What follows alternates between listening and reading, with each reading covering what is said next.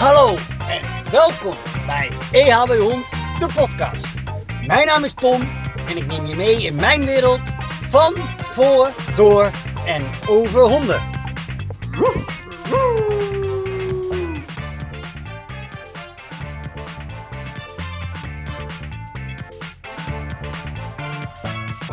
In deze podcast uh, neem ik je mee in een aantal vragen die ik heb gekregen van uh, luisteraars.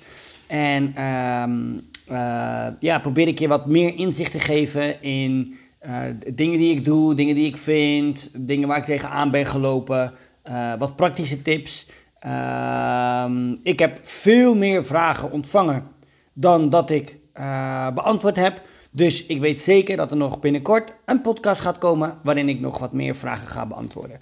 Um, ik hoop dat je het leuk vindt om naar deze podcast te luisteren. En ik hoop er zeker, um, ik hoop zeker dat je hier ook weer um, iets van kunt leren. Dus dankjewel alvast en heel veel plezier met het luisteren van de podcast. allereerst wil ik uh, beginnen met jou te bedanken, jou als luisteraar. Ik heb deze podcast uh, ben ik begonnen omdat ik heel graag mijn ervaringen wil delen uh, met mensen en mijn kennis wil delen met mensen. En blijkbaar is dat iets wat um, ja, waar heel veel mensen um, uh, toch wel oren, hè? je luistert er in principe naar, oren naar hebben. Omdat uh, ja, de, de, de podcast wordt echt superveel geluisterd. Ik bedoel, ik kan natuurlijk een beetje de cijfertjes bekijken, hoe vaak wordt iets beluisterd. En nou, echt super, super tof. Uh, we zitten inmiddels over de, over de 200 luisteraars per show. Nou ja, voor twee afleveringen vind ik dat super tof.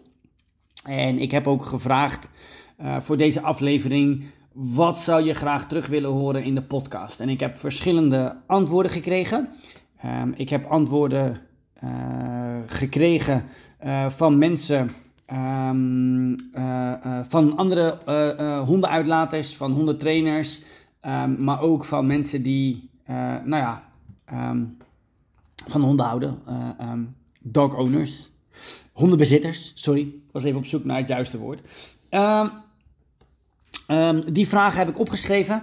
En uh, allereerst super bedankt voor het stellen van de vragen. Echt, um, wanneer je naar deze podcast luistert, deel dat ook alsjeblieft op je stories uh, in Instagram. En tag EHB Hond daarin. Uh, dan kunnen wij ook weer delen dat je naar ons luistert. zo kunnen we van een paar honderd mensen misschien wel naar veel meer mensen. En ook als je vragen hebt, suggesties, ideeën hebt over de podcast, laat het ons weten. Uh, op de achtergrond ben ik echt heel hard bezig om uh, gasten uh, uit te nodigen. Uh, en ik heb er inmiddels alweer twee die hebben toegezegd om ehm, een podcast met mij te willen opnemen. Dus dat gaat zeker komen. De namen en de onderwerpen, die hou ik nog eventjes geheim. Maar dat, wordt, dat worden zeker knallers van podcast. Um, ik heb een aantal vragen en die wil ik gaan, gaan uh, beantwoorden. Um, zodat we ook een beetje inhoudelijk naar dingen gaan kijken. Even kijken hoor. Een van de vragen die ik heb gehad is: hoe ben je begonnen en waar liep je tegenaan? hoe ga je om met wat anderen van je vinden? Nou, dat heb ik eigenlijk in de vorige afleveringen heb ik dat ook wel een beetje terug laten komen. Uh, ik ben eigenlijk begonnen als uh, mijn, mijn werk, mijn maatschappelijke carrière. Ik heb verschillende studies gedaan die niks te maken hebben met, met dieren. Um, ik wilde heel graag een hond hebben. en eigenlijk door mijn hond, wat mijn grootste inspiratie is geweest, ben ik begonnen in het werken, van, of het werken met honden. Um, ik heb daar heel lang over nagedacht. Ik heb heel lang nagedacht over een concept. Ik heb heel lang nagedacht over, maar hoe ga ik een toegevoegde waarde zijn aan de hondenwereld? Hoe ga ik een toegevoegde waarde zijn aan de maatschappij? Um, en daar heb ik wel echt heel lang over nagedacht voordat ik, voordat ik daar echt um, um, iets mee, mee heb gedaan en kon doen. Echt al een paar maanden. Um, en inmiddels ben ik bezig om, um, nou ja, ik heb daar een franchise concept van gemaakt en ben ik nu bezig met uh, het uitrollen van een franchise concept. Waarin ik dus andere mensen help met het opzetten van een succesvolle uitlaatservice Ehm, dus mensen starten hun eigen bedrijf ehm, en ze vallen onder de vlag van EHB Hond. Ehm, ik zorg daarbij voor klanten, ik leid je op en ik zorg voor de spullen zodat je kan beginnen. en daarbij heb ik natuurlijk, omdat we een franchise zijn, allerlei voordelen afgesproken bij leveranciers. waardoor we dus tegen allemaal gereduceerde tarieven gebruik kunnen maken van, van weer andere producten of diensten van anderen. Dus ja, daar, daar ben ik mee bezig. Um, um, eventjes terug op hè, hoe ben je begonnen, waar liep je tegenaan? Nou goed, uh, uh, begonnen lang geleden. En waar liep je tegenaan? Ja, ik loop nog steeds tegen dingen aan. Ik denk dat het hebben van je eigen bedrijf is uh, elke dag weer uitdagend. Het is, het is uh, ja, waar liep je tegenaan? Ik had een bus. In alle eerlijkheid, mijn allereerste bus, die was prima. Maar op een gegeven moment uh, uh, ging die wat mankementen vertonen. Um, je kon er nog prima mee rijden. Um, maar goed, je wilt wel veiligheid hebben voor jezelf. je wilt veiligheid hebben voor personeel. Je wilt veiligheid hebben voor de honden. Want dat is natuurlijk het allerbelangrijkste. Ja, en dan moet je keuzes maken. En dan heb je... Nou ja, in het begin had ik niet zo heel veel geld. Um, ja, dan moet je toch gaan kijken naar... Hey, hoe ga ik dit oplossen? Hoe loop ik tegen bepaalde dingen aan? Iets waar je altijd tegenaan loopt, denk ik, als ondernemer en als startende ondernemer, is financiën. Kijk, er zijn mensen die zijn gestart um, uh, en die hoeven het niet per se voor het geld te doen. Sommigen doen het gewoon echt puur als hobby, sommigen doen het gewoon echt als bijbaantje. Uh, sommigen denken ook dat je er niet uh, van kan leven, fulltime van kan leven. En ik ben gewoon echt begonnen met het idee: dit gaat mijn werk worden. Hier, hier wil ik groot in worden en hier wil ik mijn geld mee gaan verdienen. Maar voordat ik mijn geld uh, verdiende, uh, voordat ik geld had waarvan ik dacht: oké, ik heb nu eigenlijk een stabiel inkomen, ik hoef me geen zorgen te maken. Dat heeft bij mij in eerste instantie heeft dat wel echt wel een aantal jaar geduurd. Um, dat ik ook echt heel vaak gesprekken had uh, met mijn partner over shit, hè, ik maak me zorgen om geld, ik maak me zorgen om dit, ik maak me zorgen om dat. En, en toen zijn we eens gaan zitten en toen zei ze tegen mij, maar kijk nu eens even goed naar je inkomsten, kijk nu eens even heel goed naar wat er binnenkomt. Heb je, heb je echt redenen om je zorgen te maken? En toen ben ik dat eventjes echt allemaal goed gaan opschrijven, goed gaan kijken naar wat zijn mijn maandelijkse uitgiften um, en wat komt er per maand binnen. En toen kwam ik er eigenlijk achter dat ik een heel stabiel inkomen heb opgebouwd. En dat ik me totaal geen zorgen hoefde te maken over uh, dat ik in geldnood zou komen. Um, terwijl ik wel eigenlijk heel lang dat gevoel had. En daardoor ook echt heel vaak um, uh, uh, ja, wel slecht geslapen heb. Omdat ik dacht, oh shit, verdien ik er wel genoeg geld mee. En aan de andere kant weet ik ook nog wel dat ik met honden liep. En dat ik dacht, oh shit, ik laat nu honden uit. Ik doe iets wat ik echt te gek vind. En ik verdien daar 50 euro mee. Dus soms kon dat ook wel weer heel erg uh, um, um, uh, in contradictie zijn met elkaar. Dat ik echt dacht van, oh, het ene moment dat ik echt kon genieten van dat ik honden uitliet voor geld. Dat ik er geld mee verdiende. En aan de andere kant dacht ik, oh, maar is het wel genoeg? Nou, en dat is ook precies de reden waarom ik dit allemaal heb gegoten in een franchise concept. Um, we hebben nu inmiddels een franchise in Den Haag. wat zij nu al per maand aan omzet heeft had ik nog niet eens in mijn eerste jaar. Uh, in mijn eerste twee jaar misschien nog niet eens. Dus uh, we hebben het wiel uitgevonden. Ik heb daar heel veel over nagedacht. En nu wil ik andere mensen helpen om ook succesvol te kunnen zijn in een uitlaatservice en daar geld mee te kunnen verdienen. Um, omdat dat is iets waar ik tegenaan liep. En ik ben tegen heel veel dingen aangelopen. Boekhouding, Um, um, het kopen van spullen. Welke materialen zijn goed? Welke lijnen moet ik gebruiken? Hoe ga ik om met mensen die ik tegenkom? En dat is dan ook gelijk een bruggetje naar hoe ga je uh, om met wat anderen van je vinden. Ja, daar heb ik in de vorige podcastaflevering heb ik daar ook uh, iets over gezegd. Hè? Als ik een hond zou zijn, dan zou ik echt een hond zijn die heel graag uh, zijn best doet voor zijn baasje. Dus ik, ik ben echt wel iemand die die in alle eerlijkheid, ik bedoel, ik word graag aardig, aardig gevonden door andere mensen. Um, en ik wil mensen echt oprecht helpen. Um, maar dat gebeurde niet altijd. Hè? En wat ik, wat ik in de vorige show ook al zei, Is het niet omdat je met, met een groep honden loopt, dan is het wel omdat er een pitbull bij zit. Is het niet omdat het een pitbull is, dan is het omdat de honden loslopen. Is het niet dat ze loslopen, dan is het omdat ze vastlopen. Ehm, ehm, ehm, en vrij recentelijk nog uh, had ik een foto gepost en daar kreeg ik wat commentaar op van mensen. vandaag zelfs nog. Uh, dat, uh, dat iemand, ik had een advertentie gepost en met een foto erbij en dat iemand erbij had gezegd, ook voor vechthonden. en dat ik dan echt denk, ja, wat moet ik hier nou mee? En, en toen ik echt net begon, trok ik mij dit soort commentaar ook echt heel erg persoonlijk aan. En ik had daar echt, echt heel erg veel moeite mee. Maar wat belangrijk is in het krijgen van commentaar um, van andere mensen of wat andere mensen van je vinden, dat is eigenlijk niet zo heel erg belangrijk. Het gaat erom, wat vind jij van jezelf? Wat vind jij dat je doet? Wat is jouw toegevoegde waarde? Um, hoe word jij elke dag wakker? En, en, en die, die mindset heeft mij geholpen in, in het om kunnen gaan met het commentaar van andere mensen. Hè? Nogmaals, als ik met een groep honden loop en een van mijn honden gaat naar een andere hond toe of naar iemand die daar loopt, dan vind ik dat het mijn taak is om mijn hond bij me te houden. Dat is mijn taak en die persoon mag dat ook tegen me zeggen.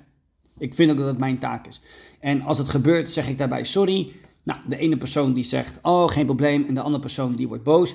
Ik, ik, ik trek het me niet aan, omdat ik gewoon vind, het is mijn taak om de hond bij me te houden, dus die persoon heeft gelijk. Maar wanneer mensen dingen tegen me zeggen die kant nog wal slaan over het soort hond, over um, uh, wie ik wel niet denk dat ik, waar ik mee bezig ben, over hulpmiddelen die ik gebruik, over dat ik honden laat rennen met een step, whatever. Ik bedoel, sommige mensen vinden het fantastisch. En dan zijn er andere mensen die zeggen: Oh, dat is echt gevaarlijk. En bla bla bla bla. Ja, weet je, um, ik doe het nu acht jaar. En in die acht jaar is er nog nooit iets gebeurd. In die acht jaar heb ik altijd mijn verantwoordelijkheid genomen. In die acht jaar is het allerbelangrijkste wat ik doe, is dat ik de honden ophaal, veilig vervoer, zorg dat ze een te gekke tijd hebben dat ze veilig thuiskomen en dat ze de rest van de dag lekker aan het snurken zijn en dat de baasjes er ook nog iets aan hebben. Um, in de diepte kan ik daar nog heel veel meer over vertellen natuurlijk. Maar, maar dat, dat is wat ik doe en dat is wat ik altijd gedaan heb. En wat iemand anders daarvan vindt, dat moet iemand anders weten. En dat moet iemand anders zelf vinden. Um, vrij recentelijk was er ook nog een andere hondenuitlaatservice uh, slash trainer die ook commentaar ging geven op uh, een foto op mijn pagina um, of iets. En ik ben nu vrij recentelijk een, uh, een nieuwe vestiging begonnen in Vianen Culemborg. Welkom mensen uit Vianen Culemborg en Hoevenhaag.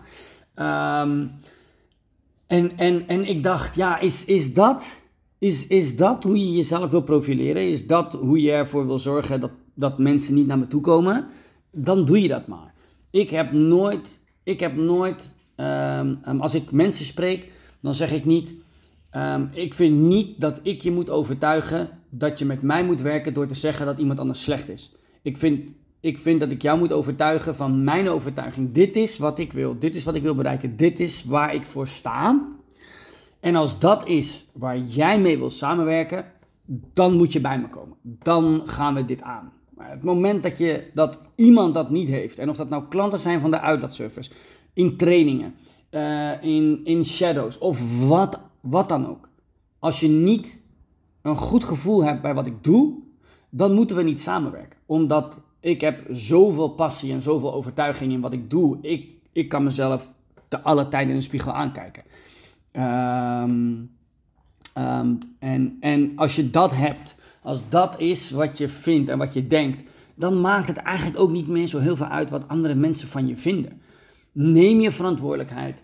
Zorg ervoor dat mensen geen commentaar op je kunnen hebben, wat rechtvaardig is. Snap je? Dus als iemand zegt, ja, ja, je hebt die honden niet onder controle, terwijl de honden naast me zitten, ze, ze bij me zijn, whatsoever, dan slaat het natuurlijk nergens op. Dat is hetzelfde als dat ik tegen iemand zeg, oh, je bent lelijk. Oh, ja, bedankt.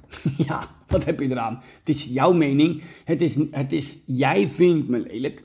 Mijn partner daarentegen vindt mij echt de meest knappe man van de wereld. Wat ik ook niet helemaal geloof, maar goed, dat is wat ze zegt. Maar Ehm, het, maakt niet zo heel veel uit. Het gaat erom, wat vind ik er zelf van? Wat, wat, wat, wat vind ik wat ik doe? Sta ik daarachter? En dan maakt het niet zo heel veel uit. Dus ik hoop dat dat, zeg maar, hè, hoe ga je om met wat anderen van je vinden? Het, wat, vind je van, wat vind jij van jezelf? En sta je achter wat je doet? Dan maakt dat niet meer zo heel veel uit. Um, Oké, eh, volgende vraag. Um, hoe gaat de kennismaking?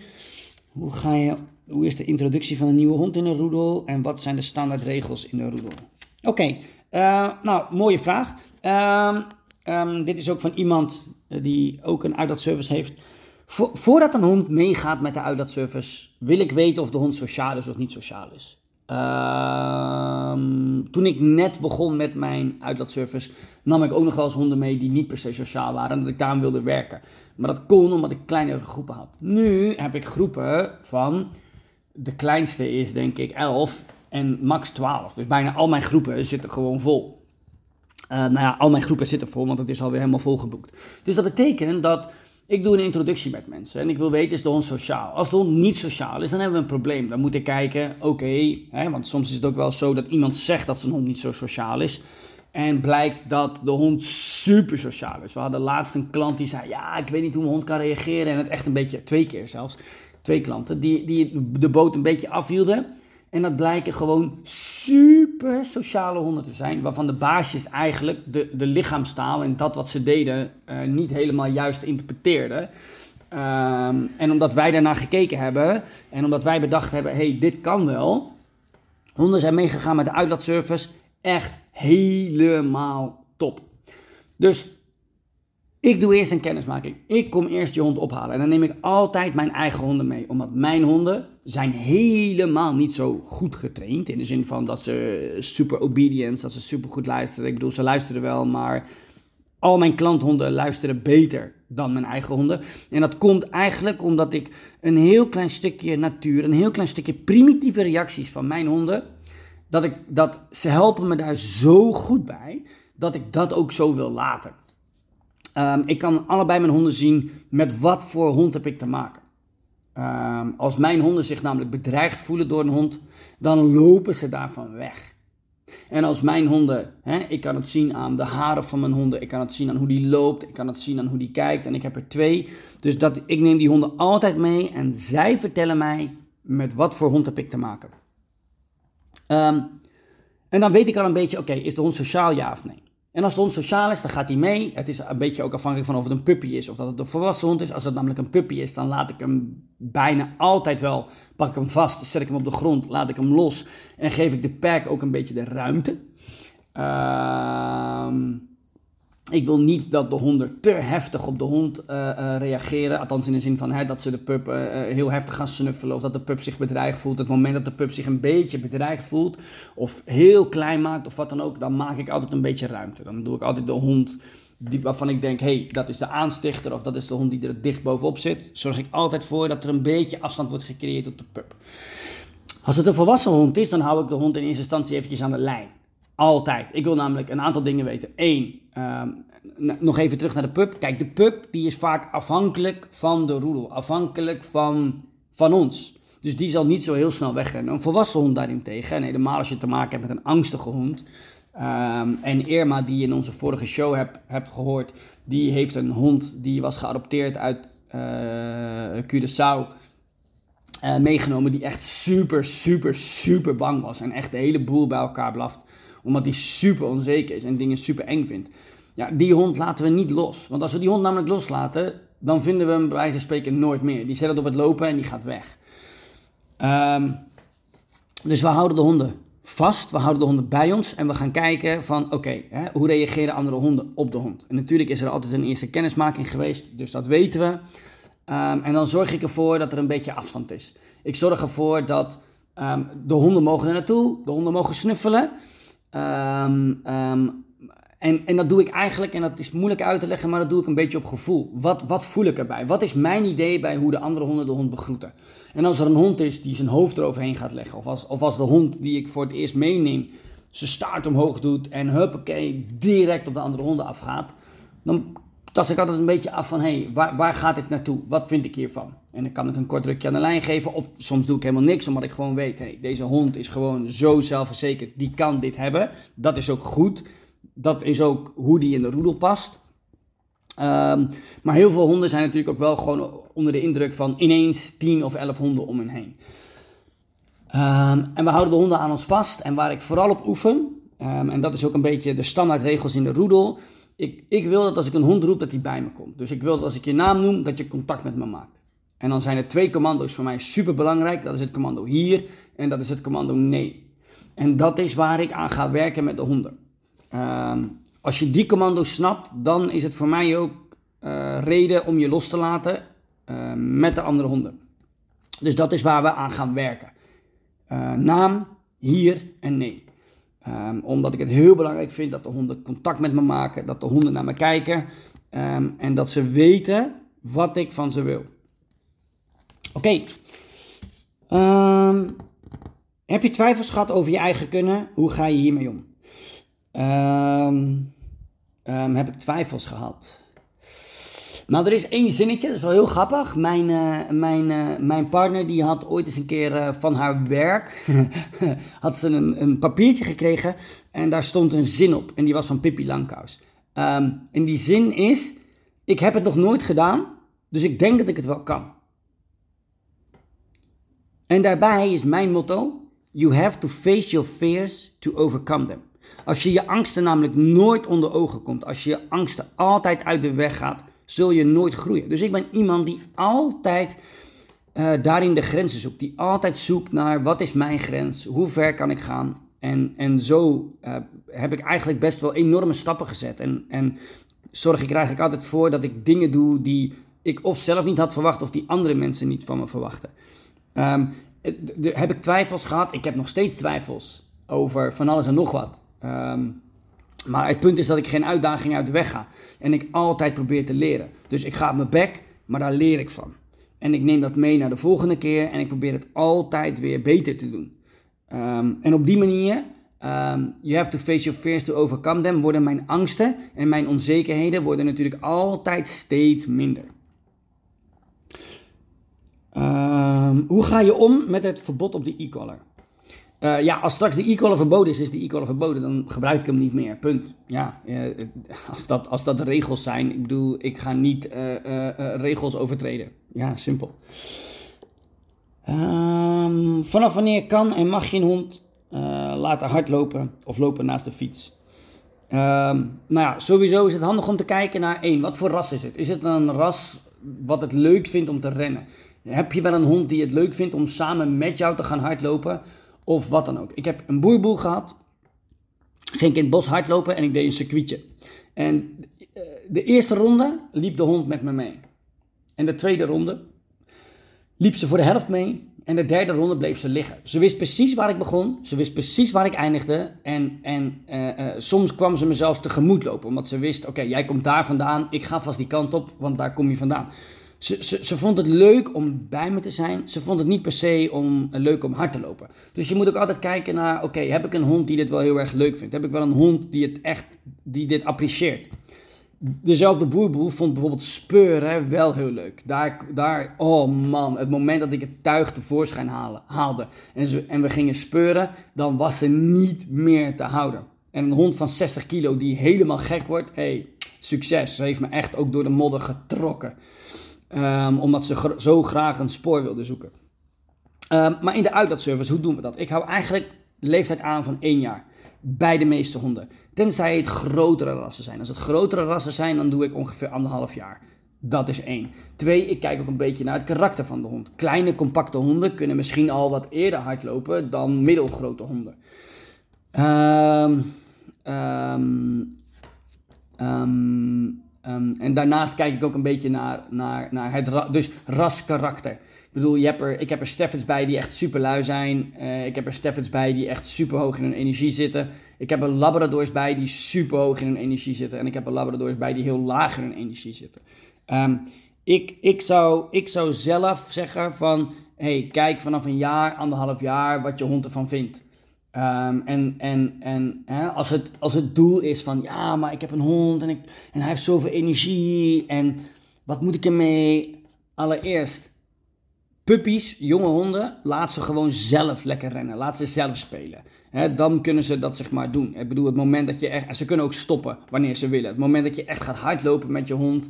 Ehm, ehm, en je gaat daar echt een tijd aan zetten of een afstand, dan wordt dat gewoon best wel tricky. Dus ik zou dat niet doen. Laat ze gewoon lekker met elkaar spelen. Wat je wel met die jonge hond kan doen, is hem niet zozeer lichamelijk ehm, eh, heel erg moe maken, maar wel geestelijk. Doe gehoorzaamheidsoefeningen met hem. Zorg dat de hond de commando's die jij hem wil leren, en dat hoeft er helemaal niet zoveel te zijn, maar dat hij die kent in elke situatie. En oefen dat elke dag een beetje in kleine stapjes. Dus ik heb soms ook wel eens dat mensen oefenen een paar keer binnen of ze oefenen op de hondenschool en dan doen ze thuis helemaal niks meer en dan verwachten ze van de hond dat hij perfect luistert wanneer hij afgeleid is en met andere honden speelt. Ja, ja, op de hondenschool luistert hij wel, maar hier in het park luistert hij niet. Nee, omdat je dat ook gewoon moet oefenen. Je, je kan dat elke dag een beetje oefenen. Je geeft je hond eten, toch? Ja. Je hebt heus wel een beetje tijd. Dus in plaats van dat je je hond eten uit een bak geeft, Laat hem er een beetje voor werken. Roep hem een paar keer bij je. Laat hem een paar keer zitten. Laat hem een paar keer liggen. Loop weg van hem. Zorg dat je om hem heen kan lopen. En doe dat in kleine stapjes. Dus verwacht dat niet direct. Af en eromheen lopen. Hey, hallo, je hebt een hond van, van, van 11 weken oud. Je hebt een hond van. Doe dat in kleine stapjes. En ook als je hond in puberteit is. Um, doe dat in stapjes. Um, dus zorg ervoor dat je, hè, als het is om vermoeidheid, zorg ervoor dat je hond op een andere manier moe maakt in plaats van lichamelijk. Um, en, ik, en, ik, en dat is voor mij altijd zeg maar, ik zeg altijd tegen mensen, je kan een hond moe maken met passieve activiteit. Druk met niks. Geef je hond een plaatscommando en hij moet daar blijven. Terwijl jij dingen in huis doet, terwijl de kinderen door het huis heen rennen en noem maar op. Dan, dan wordt het voor de hond een activiteit. Hij moet daar blijven. En als dat een gewoonte wordt, een gewenning wordt, dan wordt die kalmte en die rust die de hond heeft, wordt dan eigenlijk een state of mind. Waarom je, waardoor je dus gewoon een hond hebt die relaxed is. Oké, ik ga nog eens even kijken naar welke vragen ik nog meer had. Ik ga nog even één vraag behandelen.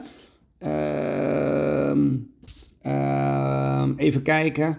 Uh, welk ras is het makkelijkst om te trainen en het moeilijkst? Uh, ja, dat ligt ook alweer een beetje aan het doeleinde. Uh, ik denk dat de makkelijkst trainbare honden zijn of de werklijnen van de Labradors of Mechelse herders. Die kun je namelijk echt makkelijk trainen. Ik heb daar echt nu meerdere honden van gehad. Die snappen het echt heel snel.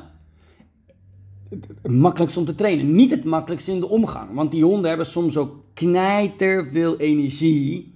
Hey, succes ermee. die, hebben, die vragen gewoon continu de hele dag door energie. Ehm, en dan kost het gewoon lang de tijd om een hond ook te leren om rustig te zijn. Niet onmogelijk, maar het kan natuurlijk wel. En het moeilijkst, ik heb nu een aantal boelterriers gehad waarvan ik zeg, holy shit. Ik hou, honden kunnen eigenwijs zijn, maar boelterriers zijn niet alleen eigenwijs, maar sommige zijn ook echt moeilijk om te motiveren. En ik kan je zeggen, ik heb inmiddels echt al met honderden honden gewerkt en gelopen. En ik, ik, ik weet echt wel een beetje hoe dat werkt. Bull ja, dat, dat vind ik dan toch wel de meest uitdagende honden. In die zin. Ehm, ehm, eh, ik had laatst een hond en ik heb een hond ook in de uitlaatservice. En als die er geen zin in heeft, die, gaat, die draait zich om, die gaat zitten en, en je weet gewoon, oké, ik kan nu echt op mijn hoofd gaan staan, gaan springen, noem maar op. De hond gaat het nu niet meer doen. Ehm, dus, oké. Ehm, nou ja, dat was het voor vandaag. Uh, ik hoop dat, uh, dat dit ook weer een, uh, een podcast is waar je informatie uit kan halen, waar je iets mee kan. zowel trainers, zowel hondenuitlaatservices als hondenliefhebber.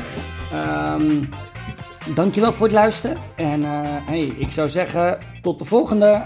Fijne dag. Ciao.